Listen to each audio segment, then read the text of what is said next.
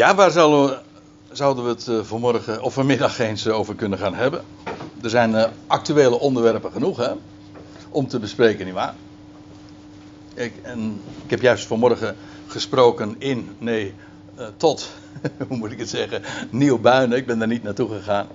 En toen had ik het ook over een actueel onderwerp, in ieder geval qua datum. Want toen ging het over de Reformatie. Het was gisteren per slotverrekening hervormingsdag.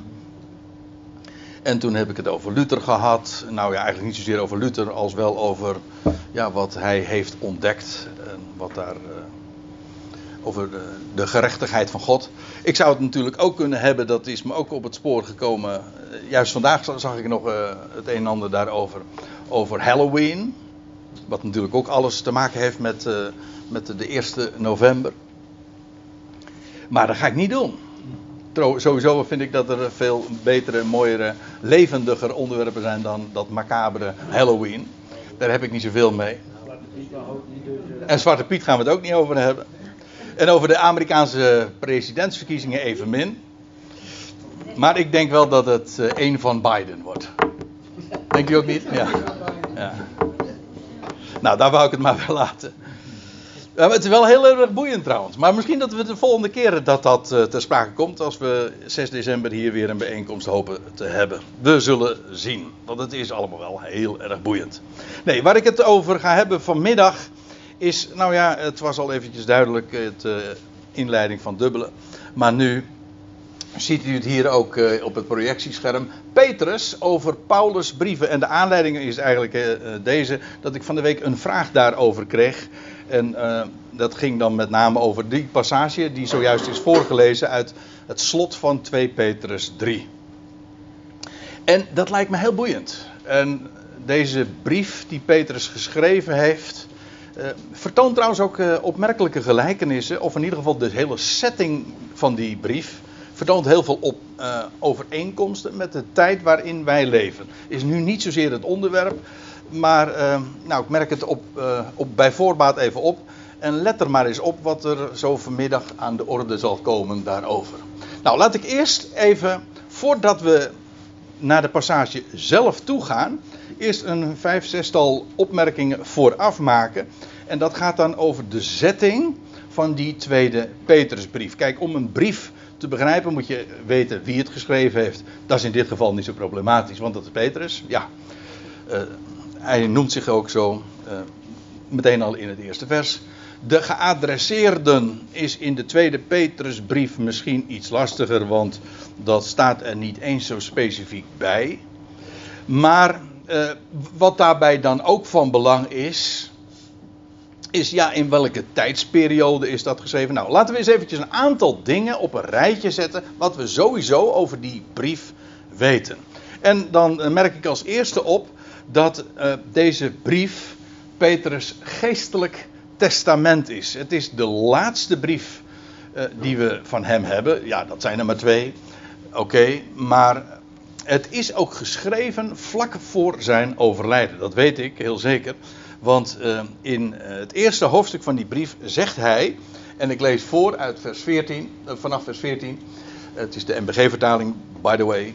Uh, dat hij zegt, want ik weet, het is midden in de zin, want ik weet dat het afleggen van mijn tent, en dat bedoelt hij zijn lichaam, dat is een tent waar je tijdelijk in verblijft, uh, dat dat spoedig komt. Hij had sowieso al ooit van de Heer vernomen, je leest dat in Johannes 21, dat daarbij dat kolenvuur bij het meer van Genezeret, dat uh, hij ooit zou, als hij oud geworden zou zijn, vergrijsd, uh, zou hij komen te overlijden. En ja, uh, op een zodanige wijze dat hij gebracht zou worden, geboeid, en bovendien dat hij gebracht zou worden op een plaats die hij niet wilde. En dan staat er ook dat de Heer Jezus tegen hem zegt dat hij daarbij doelde op de, de wijze, op de dood die hij God verheerlijkend zou sterven. In Johannes 21 lees je dat. En uh, dan komt ook Johannes ter sprake. En dan, is aan de, en dan, dan wordt eigenlijk vanaf dat moment ontstaat het gerucht dat Johannes nooit zou sterven. Maar dat hij de terugkeer van de Heer nog zou meemaken in zijn dagen. Maar Petrus wist, ik niet. Ik kom een keer, uh, voor die tijd kom ik al te sterven. Maar dat zou nog een hele tijd duren. Hij was toen nog een jonge man. En, ehm, en inmiddels eh, zegt hij nu in deze brief van... Ik weet dat het afleggen van mijn tent spoedig komt. Dus hij zou, uh, zoals ook onze Heer Jezus Christus mij heeft doen weten. En nou refereert hij dus aan, aan wat er ooit, uh, nou pakweg, een 30, 35 jaar eerder was gezegd. Hij zegt, maar ik zal mij beijveren dat jullie ook na mijn heen gaan telkens weer aan deze dingen kunt denken. En daarbij doelt hij uiteraard op het feit dat hij de dingen boekstaaft, hè, op schrift stelt. Hoe, hoe kun je ervoor zorgen dat uh, de boodschap ook na jou heen gaan nog steeds gehoord en vernomen zal worden en onderwezen zal worden, nou, dan moet je het vastleggen. Zwart op wit stellen. En bovendien ook, eh, daar is Petrus ook heel actief mee geweest. Beijverd heeft hij zich om de brieven eh, en de geschriften van het Nieuwe Testament bij elkaar te brengen. Eh, zodat uh, ze daar een betrouwbare collectie achtergelaten zou worden, die overgeleverd zou worden, kunnen worden aan de, uh, aan de volgende generaties. Maar in ieder geval, dit is, deze brief is Petrus geestelijk testament. Niet ver, kort voor zijn, uh, zijn sterven, of eigenlijk kort voor zijn executie, want dat is de wijze waarop hij is heen gegaan. Dan nog één, een opmerking. Petrus is dus inmiddels een oudere man. En het moet zo ergens geschreven zijn in de jaren 60 van de eerste eeuw. En ik heb expres even dus een tijdlijntje gemaakt. Uh, hier heb je het jaar 30. Dat is het jaar dat de Heer Jezus uh, is gestorven en opgestaan en ten hemel gevaren. Uh, sommigen zeggen 31, anderen zeggen 32. Ik houd op 30. Maar goed, dat is nu verder niet het punt. Het gaat even om een, globaal, een globale indruk.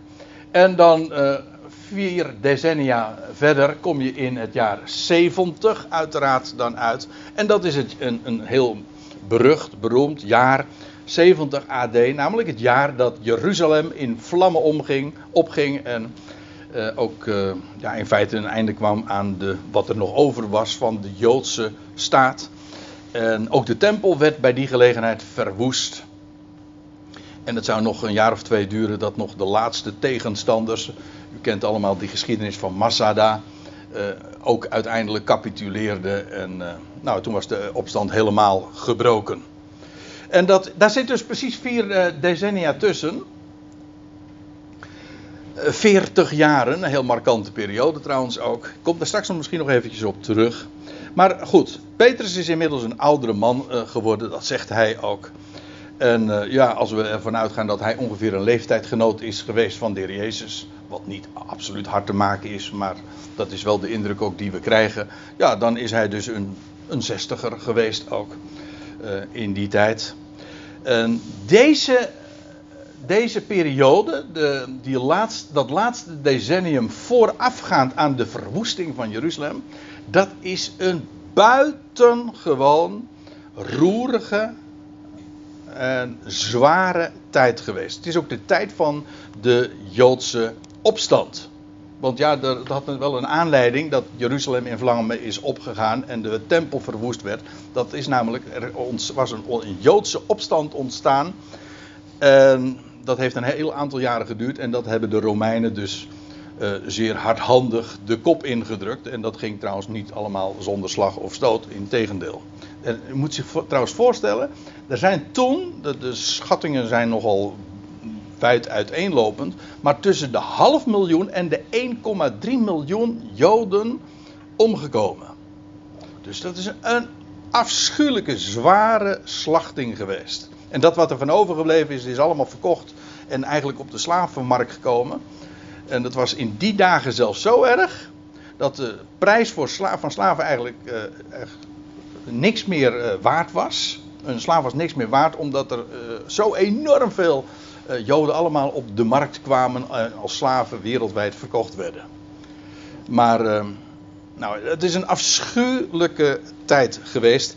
En er is enorm veel opstand, revolutie geweest. Het is in die jaren dat Petrus deze brief schrijft. En ja, dat maakt het. Deze brief ook iets. dat geeft het een, een hele dramatische sfeer eraan. En ik zou zeggen, lees de Petrusbrief. En je proeft meteen ook inderdaad die sfeer, die je trouwens ook in de Hebreeënbrief uh, bespeurt, ook in de Judasbrief, namelijk de jaren waarin Israël ja, zich opmaakt en, en de revolutie gepredikt wordt. Om op te staan tegen het Romeinse gezag. En eh, nou ja, dat is dus allemaal zo inge. Dat is uh, allemaal zo ingedrukt en zo uh, dramatisch ook afgelopen. In ieder geval, dat is in die jaren geweest. Er, er was ook enorm veel, en dat is ook een factor waar je goed rekening mee moet houden om dit te verstaan. dat er heel veel teleurstelling was, om niet te zeggen frustratie, en ook spot over het uitblijven van eh, het Messiaanse Rijk.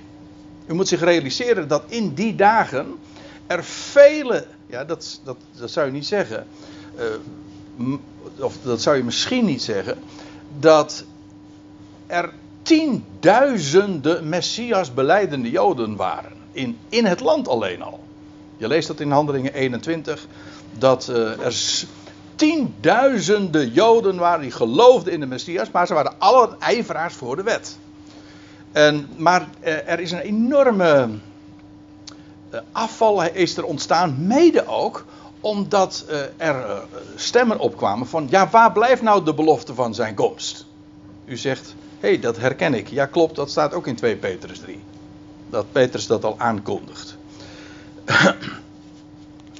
En uh, dat, uh, ja, u moet zich namelijk daarbij ook uh, realiseren dat de prediking in, de, in het boek Handelingen ook was, hè, van de twaalf, dat als Israël tot bekering zou komen, dat was trouwens Petrus zelf die dat ooit zo luid en duidelijk op het tempelplein heeft gezegd van kom tot berouw en bekering en dat en dan, zal, en dan zullen er tijden van verademing komen van het aangezicht van de, van de Heer. En, en dan zal hij de, de Christus, die tevoren opgenomen is, dan zal hij die zenden. En de tijden van de wederoprichting aller dingen waar de profeten van hebben gesproken, zal dan aanbreken. Uh, dat is een hele mond vol, maar het komt erop neer. Uh, als Israël zich bekeert, dan keert de Messias ook terug en dan, ja, dan breekt het Messiaanse Rijk aan. Die verwachting was hoog gespannen. En dat had er dus ook mee te maken dat bijvoorbeeld uh, dat algemeen de verwachting was van, nou dat gaat in die tijd nog gebeuren en Johannes uh, zal dat, de apostel Johannes zal dat allemaal nog meemaken. Wat uh, in zekere zin ook gebeurd is. Maar als u daar meer over wil weten, dan moet u de Bijbelstudie die ik afgelopen donderdag heb gegeven over Johannes 21 nog eens naluisteren. Toen heb ik het er uitgebreid over gehad. Ik ga het nu niet uh, nog eens dunnetjes over doen. Dus bij die cryptische opmerking laat ik het even. Nog een opmerking vooraf. Ja, ja, ik, we, komen er, eh, we komen er uiteindelijk wel hoor. Maar in, als vierde punt. Petrus waarschuwt zijn Joodse lezers. Ik vind dat trouwens heel belangrijk. Om erop te wijzen dat Petrus een een, een, een Joods publiek bedient. Ja, hij was de apostel van de besnijderis. Dat was ook volgens de afspraak. In Gelaten 2 lees je dat. En was ook het evangelie van de besnijdenis toevertrouwd. Dat had ook te maken met dat evangelie. Dat als Israël bekeert, zich bekeert, dat de Messias dan zou terugkeren. Dat is een geweldig goed bericht. En dat had alles te maken met Israël. Nou, hij waarschuwt zijn Joodse lezers voor valse profeten onder het volk. Inclusief, let op, de Messiasbeleiders onder hen. En dat is dat, uh, dat tweede hoofdstuk van 2 Petrus. En als je deze setting niet begrijpt, hè, van die jaren 60 waar ik het over had, over de Joodse opstand, de, de naderende val van Jeruzalem, de verwoesting van de tempel. Als je die setting niet begrijpt, dan denk je van wat een gezwollen taal zeg in dat, in dat uh, met name 2 Petrus 2. Uh, over wat er allemaal onder het volk zou uh, speelde. De enorme reuring, maar ook de, de, de, de vele geluiden en, en valse beweringen. En Petrus waarschuwt daar enorm voor. 2 Petrus 1, vers. Oh, wacht even, ik zeg 2 Petrus 1, dat moet 2 Petrus 2 zijn. Dan zegt hij dit in vers 1. Ik lees even vanaf vers 1. Dan zegt hij: toch zijn er ook valse profeten onder het volk geweest. U weet, het volk, ja, waarover heeft Petrus het? Gewoon Israël. Zoals ook onder u valse leraren zullen komen, die verderfelijke ketterijen zullen doen binnensluipen. En zelfs de heerser die hen gekocht heeft, verlogenende. Let op, de heerser die hen gekocht heeft. Het gaat hier dus over mensen die Jezus Christus kennen als Heer. En die hen gekocht heeft. En die dat. dat maar ze verlogenen hem. En, en dan staat er ook. En een schierlijk, een plotseling, een, een, een spoedig ver, uh, verderf over zichzelf brengend. En velen zullen hun losbandigheden navolgen. Ook dat is trouwens typerend voor de jaren 60 van de, in de Joodse staat in die, eh, in die eeuw. Van uh, ja, vrijheidsstrijd, revolutie, maar het, uh, ook uh, heel veel religieuze verwarring er, als er in die dagen was. Maar ook, en dat is wat heel boeiend, ja, als ik het zo mag zeggen, is. Dat is dat ook in dat Messiaans Jodendom, die tienduizenden Joden die gelovig waren geworden in de, in de Messias. Ja, maar er ontstond een enorme verval. En zelfs mensen, leidende figuren, die eh, de, hun Heer gingen verlogenen. En daar staat er ook, zelfs de heerser die hen gekocht heeft verlogenend. En ook een schierlijk verderf over zichzelf brengend. En dat doelt dan weer inderdaad op dat, ja, ja wat uh, een paar jaar later zou gebeuren. Uh, namelijk de val van, van de stad en die enorme verwoesting en de, de, dat wat uh, er toen met de, de, hele Joodse natie gebeurde. Een, een verderf, een complete ondergang. En Petrus is zich bewust van ja, en het feit dat hij zelf heen gaat. Maar ook wijst hij op het, op het tijdsgewricht waarin, waarin ze leven en wat er gaat plaatsvinden. Dat is geen gezwollen taal, dat is juist, het, het, het tekent het dramatische, de dramatische sfeer die er toen uh, speelde. Ja, en Petrus schrijft dus over die Joodse opstand, hè, zo wordt het genoemd. Er is een schrijver, is een, hij is wereldberoemd, Flavius Josephus, die leefde in die dagen. En die heeft dat allemaal heel nauwkeurig opgetekend. Het was een historicus, ja, het was ook uit het priestelijk geslacht. Er is een heleboel over die man te vertellen. Maar die Flavius Josephus heeft dat allemaal opgetekend. Heeft één ook een boek geschreven, De Joodse Oorlog. Of de, nee, de Joodse Opstand. Zo heet dat, geloof ik. En ja, waarin hij beschrijft hoe, wat er allemaal vooraf gegaan is aan, ja, de, aan de val en de verwoesting van Jeruzalem. Weet u trouwens dat het uh, allemaal is begonnen volgens Flavius Josephus met de dood, de executie van Jacobus de rechtvaardige. Weet u wie die Jacobus was? Dat is Jacobus de broeder van de Heer. Die we in ja, van wie we een brief in de Bijbel hebben. Die Jacobus. Die is omgebracht in Jeruzalem. En dat, en dat is. Toen is dat begonnen. En dat is in het jaar uh, vermoedelijk 2 of 63 geweest. Toen is het gaan gaan spelen. Dat is trouwens ook het jaar geweest, of die periode, 263, dat Paulus in, in Rome was en het boek Handelingen afsluit. Dus de jaren 60, daar, heeft, uh, daar is heel veel gebeurd in dat decennium, vlak voor ja, dat jaar 70 dus.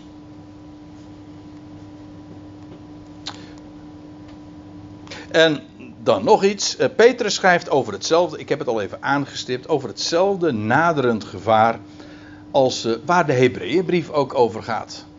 Die schrijft ook over, over afval onder het volk. Die schrijft trouwens ook heel, uh, een aantal keren over de 40 jaren. En heel vaak wordt die vergelijking gemaakt over de uittocht en die periode in de woestijn. En over het ongeloof van Israël.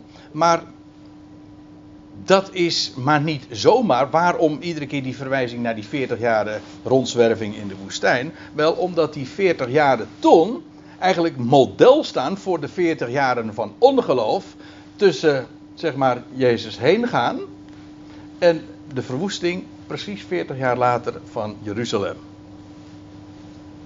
Er zijn hele opmerkelijke gelijkenissen uh, tussen.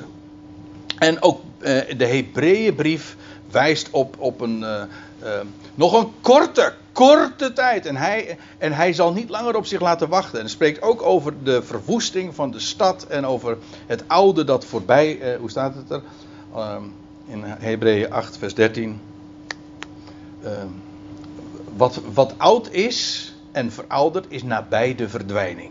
Nou, dat, is, dat, heel, die, dat hele oude verbond, dat was ook letterlijk nabij de verdwijning. De hele stad en de tempeldienst en alles wat daarmee samenhing, dat zou inderdaad verdwijnen. Nou, uh, genoeg. Dat, uh, want nu heb ik nog niks over wat Petrus heeft verteld over Paulus' brieven. Maar dit is, denk ik, van belang om überhaupt die brief te kunnen plaatsen, wie het geschreven heeft, aan Joden, inderdaad, aan de besnijdenis. En uh, wellicht ook een rondzendbrief. Maar uh, in die jaren 60 waarin zo uh, veel en ook deze dingen dus allemaal spelen. Nou, en dan pak ik de draad op bij 2 Petrus 3, vers 8. Ik zei al, daar was heel veel frustratie ook. En Petrus voorzegt ook dat dat dat alleen maar meer zou worden. Waar blijft de belofte van zijn komst? En nou, zegt Petrus dan, laat echter dit, dit ene jullie niet onopgemerkt zijn, geliefde. Uh, dat één dag bij de Heer als duizend jaren is en duizend jaren als één dag. Hij zegt dus, hij herhaalt het, uh, de waarheid. Zo rekent God inderdaad, en vanuit de profetieën wist men wel, ja, de, Heer zou eigenlijk na een korte tijd weer terugkeren. Na twee dagen, dus na korte tijd toch? Dus uh, ongeacht wat, maar dat zal niet lang duren. En dat zou ook inderdaad gebeuren, maar zegt hij dan, dit ene mag je niet ontgaan hoe de Heer rekent. Hij rekent, voor, voor, hem is één dag als duizend jaar. Trouwens, dat is nog dat, dat zegt Petrus hier. Maar dit ontleent hij aan wat er staat in Psalm 90. dan, daar lees je al dat voor hem, voor, voor God, uh, de duizend jaren zijn als de dag van gisteren die voorbij gaat. Ja. Maar uh, er wordt heel duidelijk ook zo die nadruk gelegd op die duizend jaren. Trouwens, we kennen nog een dag die gaat komen en die wordt ook weer gekenmerkt door duizend jaren, het millennium. Oké. Dus uh, ja, als de Heer dan zegt van ik kom spoedig, ik kom gauw. Ja, wacht even, dan moet je wel weten wat, uh, hoe de Heer rekent. Nou zegt uh, Peter er nog iets bij. De Heer vertraagt de belofte niet. Zoals sommigen dit vertraging achten. Of talmen. Het blijft uit. Maar, zegt hij, hij is geduldig, langmoedig jegens jullie. Dus het is niet zo van dat de Heer zegt van ja, ik stel, de belofte, nou sorry, uh, maar dat heb ik wel beloofd, maar ik, ik, stel het uit. Nee, hij zegt het is helemaal geen uitstel. Het is geen talmen. Het is, uh, het is ook geen vertraging, niet, geen vertraging van de belofte. Je moet je alleen goed realiseren dat de Heer anders rekent. In tijd.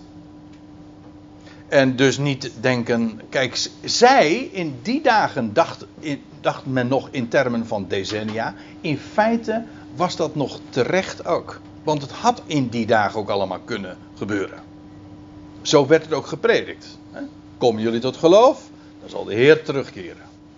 Inmiddels, en ik denk dat Petrus eh, daar heel veel moeite mee heeft gehad om die switch te maken. Ik kom daar straks nog op terug.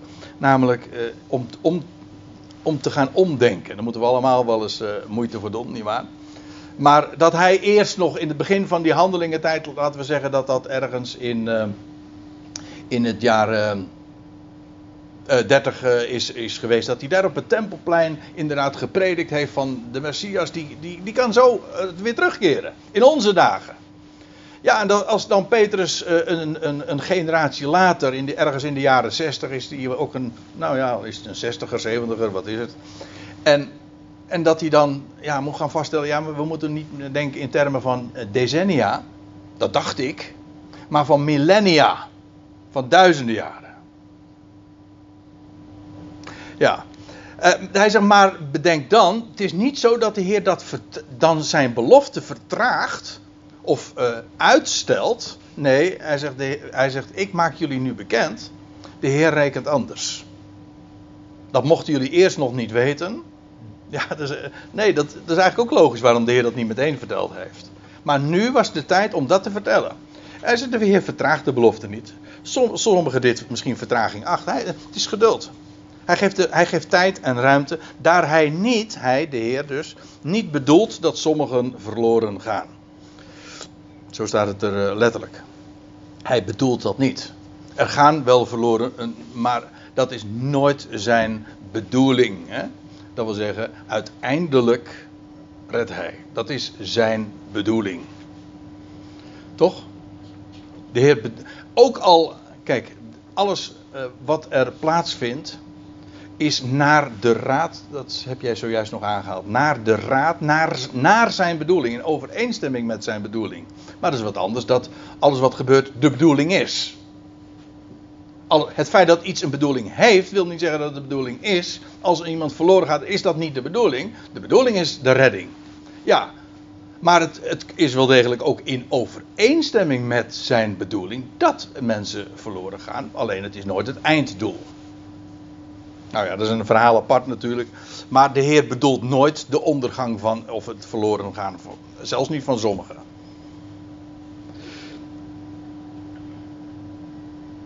Nou ja, nou komen we. Je, via een, snel, via een korte verbetering zou ik zo op de brieven van Paulus kunnen komen. Maar daar komen we straks vanzelf over te spreken. Hij zegt maar, voor allen ruimte biedt hij tot bezinning. Metanoia, dat, dat is het woord. Omdenken. Om tot nieuwe uh, inzichten en, en, en besef te komen. En dat is, ook, dat is dan de andere kant weer. Uh, hij zegt, als de Heer uitblijft in zijn komst. En het allemaal langer duurt dan wij aanvankelijk dachten. Veel langer zelfs. En gedacht moet worden in termen van duizenden jaren. Ja, hij zegt, maar dat is aan de andere kant ook enorm veel. dat schept ruimte. Daarmee schept hij ruimte eh, tot bezinning. Geeft ook gelegenheid om mensen, dat mensen zich inderdaad eh, keren tot hem. En ja, ik, eh, ik, ik moet doorgaan. Vers 14. Uh, daarom, geliefden, die, die deze dingen verwachten. En nu sla ik eventjes een wat over. En ik pak nu weer de draad op bij vers 15. Uh, en acht het geduld, of de langmoedigheid, als je het wat ouder Nederlands zegt acht het geduld van onze Heer redding. Ja, acht het, uh, ons, de gelangmoedigheid van onze Heer voor zaligheid. Dat is de, de terminologie waar we misschien wat uh, meer vertrouwd mee zijn. Maar gewoon, uh, gelangmoedigheid is geduld. En zaligheid is daar gewoon het woord voor redding. Acht die dat geduld van de Heer, dat wil zeggen het uit, het feit dat het allemaal zoveel langer duurt dan wij dachten. Het is geen talmen van zijn belofte. Nee, het duurt alleen langer dan wij hadden ingecalculeerd. En hij zegt, maar acht dat geduld uh, van onze Heer alleen maar als redding. Het schept ook in die tijd van zijn geduld. Ja, dat is een hele mooie. Uh, Kijk, in deze periode, vanaf het jaar 30, dat de Heer het aardse toneel verliet. En in die dagen, in die, in, in die millennia, zeg het nou maar. In die millennia die zouden volgen. Ja, uh, wat zou daar gepredikt worden? Nou, dat is de boodschap van redding. Die periode dat de Heer uitblijft en zijn koninkrijk nog niet openbaart, ja, acht het tot, acht het voor, hij zegt heel kort, acht het voor redding. Acht die tijd redding. En dat is ook precies de boodschap die gepredikt wordt, de boodschap van de redder van deze wereld. En dat, en nou ja, laten we dan meteen maar uh, bij het eigenlijke onderwerp dan uh, aankomen. Zoals, zegt hij, ook onze geliefde broeder Paulus. Alleen al eventjes dit. Uh, ik vind het zo opmerkelijk dat Petrus Paulus zo benoemt. Onze geliefde broeder Paulus. En vooral als je weet uh, dat daar ooit een groot conflict tussen die twee is geweest. Hè. In de gelaten 2 lees je daar. Nou ja, groot conflict, maar in ieder geval, ja, er is een verstevige ruzie geweest. En je leest in uh, gelaten 2 over dat dat Paulus zegt, en ik heb Petrus openlijk weerstaan in zijn gezicht. En hij zegt het dan heel arrogant. Uh, want, ik, want het ongelijk was aan zijn kant. ja, nou moet je wel zeker van je zaak zijn. En, uh,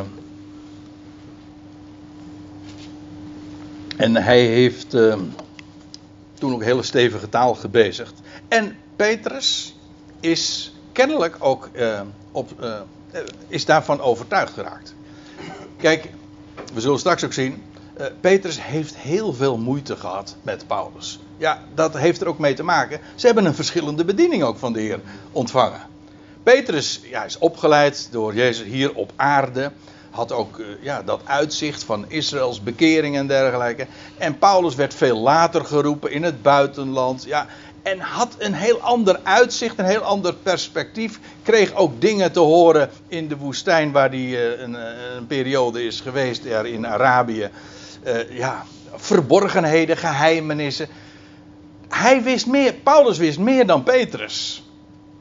En dat matchte ook niet. Want, want ja, Paulus die, die ging, naar de, ging naar de natieën en dat werd, en dat werd hem daar in, die, in zijn Joodse thuis, bij het Joodse thuisfront buitengewoon kwalijk genomen.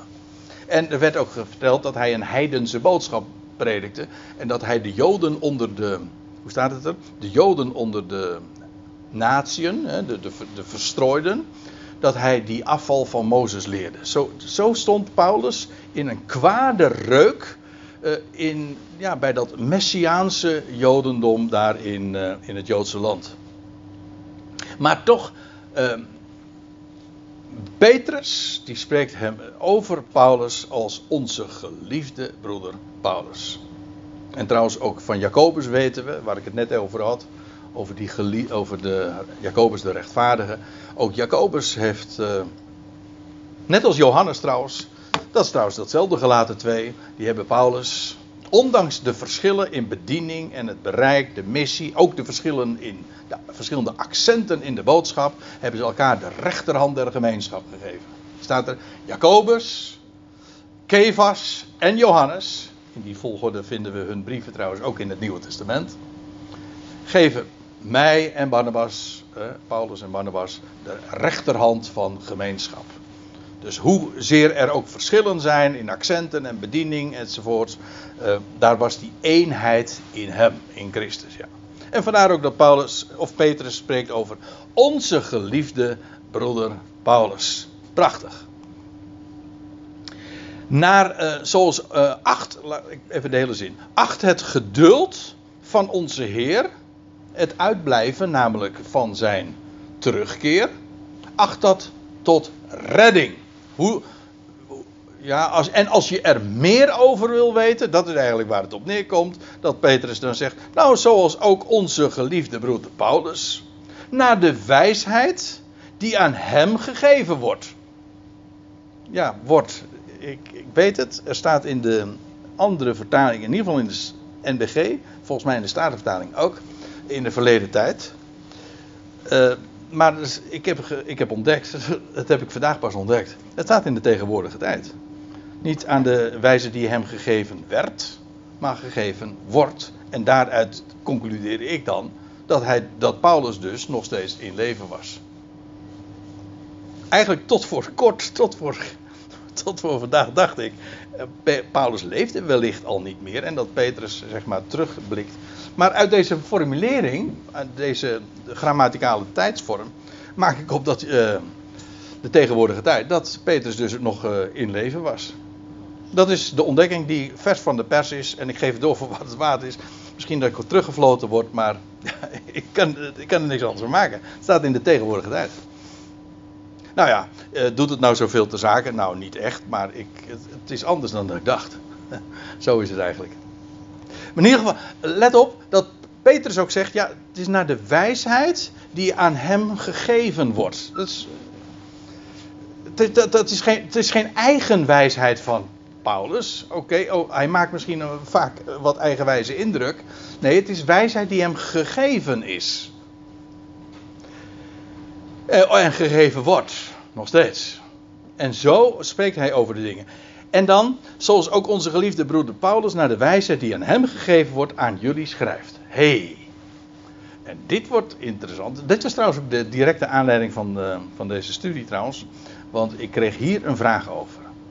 Want uh, dat betekent dus dat Petrus schrijft aan een groep waar ook Paulus aangeschreven heeft. Maar Paulus, was Paulus niet de apostel die zich richtte tot de natieën? Hm? Toch? Dat, dat was zijn bediening. Jacobus, Petrus en Johannes, zij zouden dus naar de besnijdenis gaan. En Paulus, hij ging naar de natieën. En, maar hier lees je dus dat de apostel van de besnijdenis zich richt inderdaad tot de besnijdenis. Maar nu de vraag, uh, hij, Paulus heeft dus een brief ook geschreven aan de besnijdenis. Een brief aan de besnijdenis van Paulus. Ja, nou ik zal u dit zeggen. We hebben het er volgens mij bij een andere gelegenheid ook wel eens over gehad. Er komt, mijn inziens, maar één brief in aanmerking die dat kan zijn. Namelijk de Hebreeënbrief. En, dan weten, en uh, dan, het beantwoordt daar, daarmee dus ook via via wel degelijk uh, de vraag van... hoe kan het nou dat die de schrijver in de Hebreeënbrief anoniem is? Zijn naam staat er niet bij. Terwijl iedereen eigenlijk, nou ja, iedereen, dat nou overdrijf ik, maar je voelt op je klomp aan, het moet wel Paulus zijn. Het blijkt uit allerlei dingen. In de eerste plaats uh, in de, manus, de Hebreeënbrief. Die staat in de manuscripten, dat wil zeggen in de oorspronkelijke manuscripten, de Sinaiticus, de, nou ja, waar wij het Nieuwe Testament dus aan ontleend hebben, staat de Hebreeënbrief niet zoals bij ons ge, gepositioneerd. Nee, staat hij tussen de brieven van Paulus. Na de Thessalonicense brief en voor. Mm, nou, weet ik even niet. Nou, in ieder geval na de Thess uh, tussen, laat ik het zo zeggen. Tussen Paulus' brieven staat hij. Dat is één ding. Sorry. De schrijver, die is in gezelschap van, uh, in gezelschap met Timotheus. Zo lees je in hoofdstuk 13, vers 23 van de Hebreeënbrief. Hij schrijft dan over eh, onze geliefde broeder, of onze broeder, uh, onze broeder Timotheus in de gevangenis ook. Nou, hé, hey, Timotheus, dat was toch Paulus' medewerker? Dat is, dat is een ander ding. Nog iets, de schrijver behoorde niet tot de discipelen. Dat lees je in hoofdstuk 2, vers 3. Van het is, hij zegt, hij hoorde niet bij die eerste groep die op aarde zijn uh, ingelicht en onderwezen door Jezus. Dus uh, een van de twaalf of zo, die komen niet voor de Hebreeënbrief in aanmerking. Ja, en dan nog de hele toonzetting, hoe die eindigt met de brief. Hè? De genade zijn met u allen. Dat was de manier waarop Paulus altijd zijn brieven afsloot. Maar vooral ook, uh, ja, wat was het onderwerp van de Hebreeënbrief? Nou, dat gaat er over een heleboel, maar in ieder geval toch uh, vooral over het feit dat er vandaag, dat er de koning-priester, naar de ordening van Melchizedek, de Messias, die is nu in het hemelsheiligdom en blijft hij daar? Nee, daar, hij komt weer terug. Hij is nu verborgen en, eh, en er wordt in de Hebreeënbrief uitgebreid ingegaan op ja, op de, op de grote verzoendag. En als de hoge priester dan inderdaad het offer had gebracht en dan het heiligdom inging. En tenslotte uit het heiligdom kwam en dan het volk ging zegenen. Waarna de verzoening voor eh, het volk Israël plaatsvond. En dat alles is typologisch ja, voor deze tijd. Wat, wat de schrijver van de Hebreeënbrief zegt. De koning-priester is nu in het hemels heiligdom. Hij wordt niet gezien wordt hooguit uh, zijn geluid wordt vernomen. U weet wel die, die, uh, die belletjes uh, die, aan, aan de zoom van zijn kleed. Maar hij, hij laat wel van zich horen, maar hij laat zich niet zien. En daar is de koning priester. In het hemelsheiligdom. En het wachten is op het. Hij, er staat ook in de Hebreeënbrief dat hij is gaan zitten aan Gods rechterhand. En voorts wachtende. Totdat zijn vijanden gesteld worden tot een voetbank voor zijn voeten. Dat is wat de Heer nu doet. Hij wacht. Nou, hij doet nog meer, maar hij wacht ook. Totdat dat, eh, tot het koninkrijk openbaar wordt. Dat is het thema van de Hebreeënbrief. Het uitblijven van de terugkeer van de Heer en wat hij nu in die tussentijd doet. Nou, dus uh, ja, daarmee hebben we. Ik kan het, dat, is, dat is een heel, onder, heel boeiend onderwerp, maar ik wil het hier even bij laten. Maar in ieder geval, uh, Paulus heeft een brief geschreven aan de besnijdenis. En als u het mij vraagt, er komt maar één brief in aanmerking daarvoor. En dat is die brief waarvan we geen de naam van de schrijver uh, onbekend is. Namelijk. En dan hebben we dat uh, vraagstuk ook en passant beantwoord. Nou, dan nog iets. Dat hij zegt van ja, naar de wijsheid die aan hem, Paulus, gegeven wordt. Zo aan jullie schrijft. Zoals hij ook in al de brieven waarin hij over zoals ook in al de brieven waarin hij over deze dingen schrijft. Ja, uh, deze dingen, wat bedoelt hij dan? Nou, het geduld van de Heer, het feit dat de Heer maar uitblijft, maar dat dat eigenlijk redding is. En de geweldige betekenis van dat uitblijven van zijn terugkeer. Je kan zeggen van, god, dat is frustratie dat is een teleurstelling dat hij nog niet terugkeert. Ja, maar er is één apostel bij uitstek die juist dat voor als redding beschouwt en spreekt over de geweldige uh, waarde en de betekenis van die, van, ja, van die tijd, van die tussentijd, die onderbreking, dat uitblijven. En dat is Paulus. En dat is wat Paulus, Petrus zegt. Als je er meer over wil weten, over het feit dat de Heer nog niet terugkeert en over zijn geduld, het feit dat hij nog niet ingrijpt, dan moet je bij Paulus wezen. Hij heeft dat aan jullie geschreven, de Hebreeënbrief. Maar in al zijn brieven kun je dat, schrijft hij over deze dingen. In feite dus het uitblijven van de openbaring.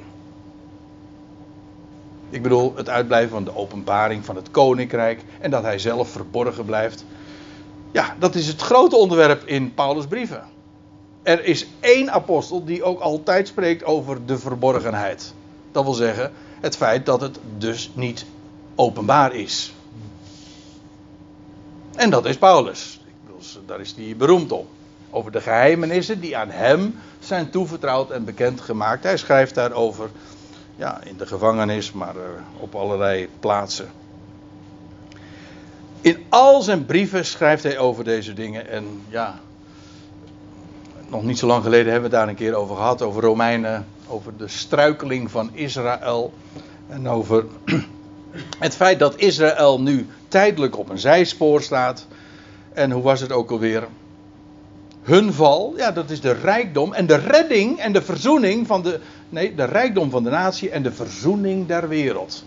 Doordat Israël nu tijdelijk verblind is en op een zijspoor staat, ja, nu gaat vervolgens de boodschap naar de wereld, naar de natie. En, en wordt verteld over, over de geweldige grootheid en de verzoening. En, en, en de grootheid van, van de redder en de redding. Maar dat is allemaal dankzij de struikeling van Israël. En daarmee dus ook het uitblijven van zijn terugkeer. Ik bedoel van de terugkeer van Christus. En Petrus zegt, ja, nou ja, daar schrijft Paulus dus over. Over al deze dingen in al zijn brieven. Niet alleen die Hebreeënbrief dus. Nou zit daar wel iets aan vast. En Paul, uh, Petrus is eerlijk om dat ook daarin te bekennen. Hij zegt daarin zijn sommige, daarin dus in die brieven van Paulus. Daarin zijn sommige dingen zwaar te begrijpen. En het kan zijn dat wij nou zeggen van ja, dat vind ik eigenlijk ook wel. Maar. Ja, precies. Want. Uh, ja, dat is een heel andere aanvliegroute. Ik, ik, zei er zo, ik vertelde er zojuist al even wat over. Petrus had een heel, andere, een heel ander perspectief. Uh, ook in verband met wat er met Israël zou gebeuren in die generatie. En het openbaar worden van het koninkrijk. En ja, nou is, nou is, nou is hij aan het einde van zijn leven. En nou moet hij toch ja, wel bekennen het is allemaal anders gelopen als dat ik gedacht heb. Maar er is één apostel, onze geliefde broeder Paulus.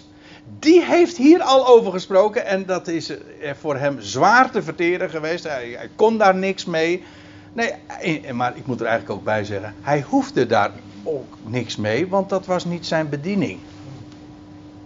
Ik geloof ook dat het zo werkt. Het is, dat is geen verwijt Ook in dit geval, ja, het is zo gegaan. Dit was de taak die Petrus kreeg hè, om Israël op te roepen tot bekering.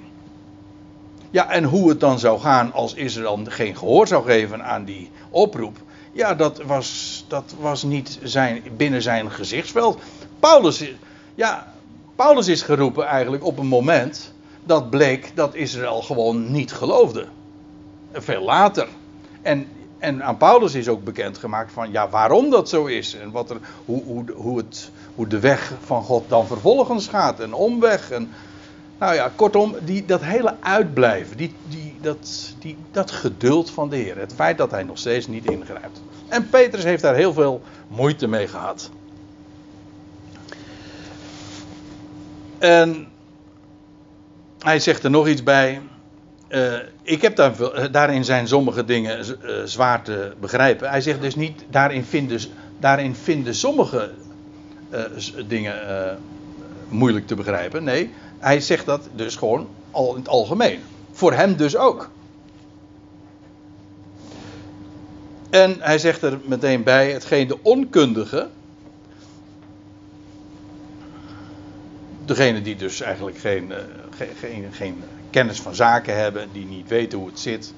En ook misschien niet verder kijken dan de neus lang is. De onkundige, ja dus. En ook de labielen. Er staat in de NBG-vertaling de onstandvastige lieden. Maar dat is wat labiel is toch? Dat je ja, gemakkelijk van je stuk gebracht kan worden. En uh, eigenlijk is die hele periode van de jaren 60, zeg maar. Ja, ik heb het niet over de jaren 60 van de vorige eeuw. Die was ook heel uh, roerig. Maar dat, dat, bedoel ik nu niet. De, die, de jaren 60 van de eerste eeuw. Dat was een hele onstandvastige. Daar, waarin labiele mensen gemakkelijk meegenomen werden door heel, door heel andere ja, mensen die opstonden en die vrijheidsstrijders waren. En uh, ja, daarin meegingen. En, en Petrus zegt ook van ja, dat, zo, zo zal het nu ook gaan onder het volk. En, en Paulus' brieven, ja, die werden dus uh, totaal niet uh, begrepen. Hetgeen de onkundigen en labielen zullen verdraaien. En staat er ook bij tot hun eigen ondergang. En ik denk dat ook hier weer gedoeld wordt op dat, dat schierlijke verderf dat aanstaande was. Namelijk, dus de val van Jeruzalem en de ondergang van de tempel, et cetera. Ja, dat, ja, en nu breng ik nog eventjes uh, in herinnering wat ik zojuist al even zei. Paulus' naam stond ook in het Messiaanse Jodendom. Ik noem het maar even zo, ik weet niet hoe ik het anders moet aanduiden. Gewoon onder, bij de besnijdenis die geloofde in de Messias. Eh, als je wil weten waar ik nu op doel, dat, dat vind je in Handelingen 21, vers 21. Even korte context. Paulus arriveert in Jeruzalem. En dat is wat in Handelingen 21 beschreven wordt. Er ontstaat een gigantische rel. En. Nee, wacht even, dat is daarna. Wacht even, eh, even terugdraaien. even terugspoelen. Uh, het, het, was anders. Paulus arriveert in Jeruzalem en dan heeft hij als eerste een ontmoeting met Jacobus. De Jacobus. Die was, de, was een steunpilaar daar in Jeruzalem. De broeder des Heren. En dan zegt Jacobus tegen Paulus. Hij zegt, u, hij zegt je weet dat er uh, myriaden, letterlijk tienduizenden gelovig zijn geworden. Dus dat is een hele grote groep daar geweest. Hij zegt uh, onder de Joden. Hij zegt en allen zijn zij ijveraars der wet. Nu heeft men hen van jullie, uh, of nu vertelt men hen van jullie, van jou Paulus, dat jij de Joden onder de natieën afval van Mozes predikt door te zeggen dat, je, dat zij zich niet zouden besnijden en, zich, en niet zouden wandelen naar de gebruiken.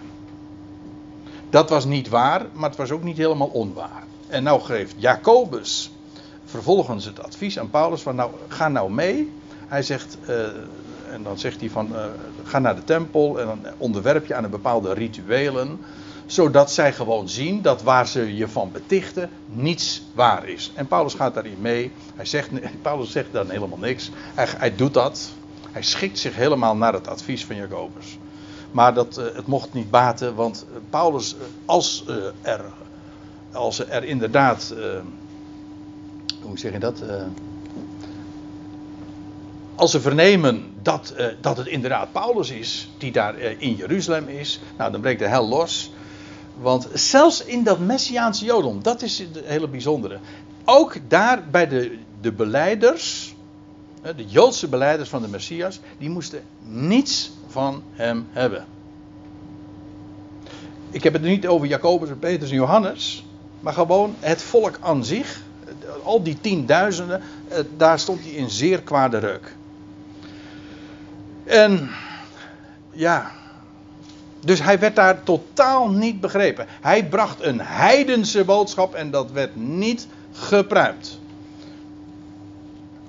Uh, je ziet daar ook heel duidelijk het verschil tussen de besnijdenis en de voorhuid. En wat je dan, uh, wat je dan ook heel goed begrijpt, is dat die brieven van Paulus, ja, die werden ook totaal verkeerd geïnterpreteerd. En dat, dat is waar Petrus hier ook op doelt. De onkundigen en de labielen, ja, die verdraaien dat. Zullen dat ook verdraaien. Maar het is tot hun eigen ondergang. Maar zegt hij, dat doen ze met die brieven van Paulus, maar ook met, zoals ze dat ook doen met de overige schriften. Het is heel bijzonder dat hij dat zo noemt, want het geeft aan dat Paulus' brieven dus voor Petrus gewoon dezelfde status hadden als de rest van de schrift. Hij, stelt ze op één lijn. De overige schriften. Waaraan je trouwens ook ziet dat er toen al uh, collecties van brieven. En de, de, de vorming van het Nieuwe Testament al, uh, al uh, gaande was. Hè. Men had de brieven van Paulus verzameld. En, en nou, die, die circuleerden zo, zo, rond. En Petrus heeft ook aan het einde van zijn leven, net als Paulus, zijn best gedaan om alles bij elkaar te brengen. Goed, dan, het is de tweede keer dat ik het onderwerp nu aansnijd, maar dat doen we voor een andere keer nog eens. In ieder geval, net als de overige schriften.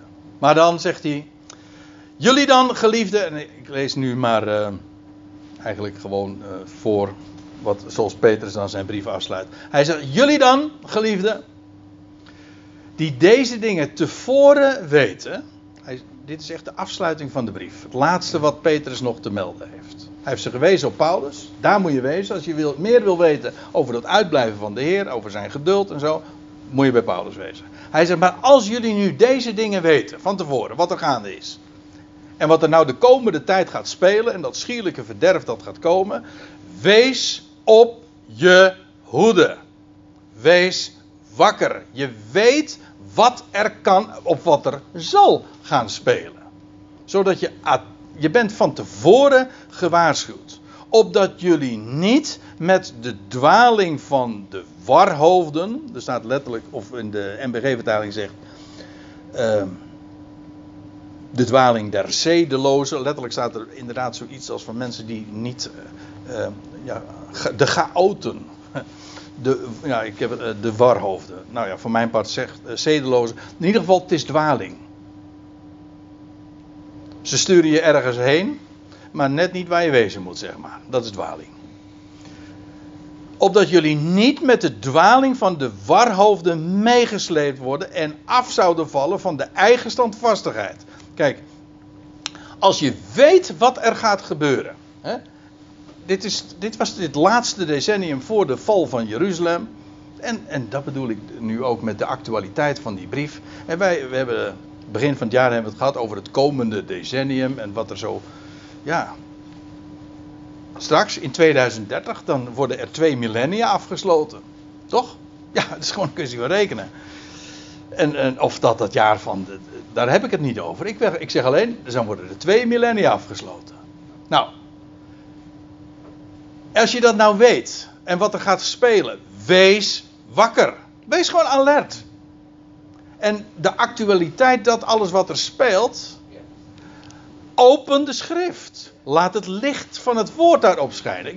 Natuurlijk, wees bescheiden. trek niet voorbalige conclusies. Dat is ook heel instabiel. Hè? Dan ben je ook uh, labiel. Eh, ook mensen worden gemakkelijk daarin weer door allerlei sensatie gedreven. Maar wees wakker. Alert. Er wordt zoveel geroepen, maar ga af op de schrift, zodat je staat op wat er staat geschreven en niet meegaat in omdat die of die iets zegt. Nee, sta op dat woord. Opdat jullie niet met de dwaling van de warhoofden meegesleept worden en af zouden vallen van de, van de eigen standvastigheid. Maar, zegt hij dan, dat is de laatste, ja, de hart, het hart onder de riem, groei op. Was op, hè in de genade. Op in genade en kennis van onze Heer en Redder, Jezus Christus. Dat is geloof ik ook echt de bron om daaruit te putten als er zoveel verwarring is en als er zoveel op je afkomt, de tijden zo chaotisch worden, dan is het zo belangrijk dat je je wortels uitslaat en groeit in de genade. Dat wil zeggen in de vreugde om niet. Dat is wat genade is, charis. Vreugde om niet en in de kennis, het leren kennen van wie Hij is en wat Zijn plannen zijn en van onze Heer en Redder Jezus Christus. Aan Hem de heerlijkheid. Dat is de wijze waarop Petrus dan zijn brief en feitelijk ook zijn bediening afsluit. Aan Hem de heerlijkheid. En nu en tot in de dag van de Aion. Ja, die Aion die gaat komen, waar hij zo trouwens uh, vlak voorafgaand uh, nog over geschreven heeft. Ook over zijn belofte van een nieuwe hemel en een nieuwe aarde. Kortom, dat gaat komen. Die heerlijkheid. En die vreugde en het leren kennen daarvan, ja, daarin op te groeien. En ondertussen, en ik geloof ook dat als je echt alert en standvastig wil blijven, dat je ook inderdaad zal moeten groeien in die genade en in de kennis van Hem, zodat je Hem steeds beter leert kennen en daarin ook de kracht en de, ja, de vitaliteit ontleent om alert en standvastig te zijn en te blijven. Dat was toen in de jaren 60 uh, eh, de actualiteit uh, en vitaal, uh, namelijk toen in de eerste eeuw. En nu zitten wij in de 21ste eeuw. En er staat weer een heel belangwekkend decennium zo voor de deur waarin er heel, heel veel gaat spelen. En dan geldt ook nu weer, precies als wat Peter zei, groei op daarin. En blijf inderdaad standvastig in dat woord van Hem. Daar wilde ik het graag bij laten voor vanmiddag.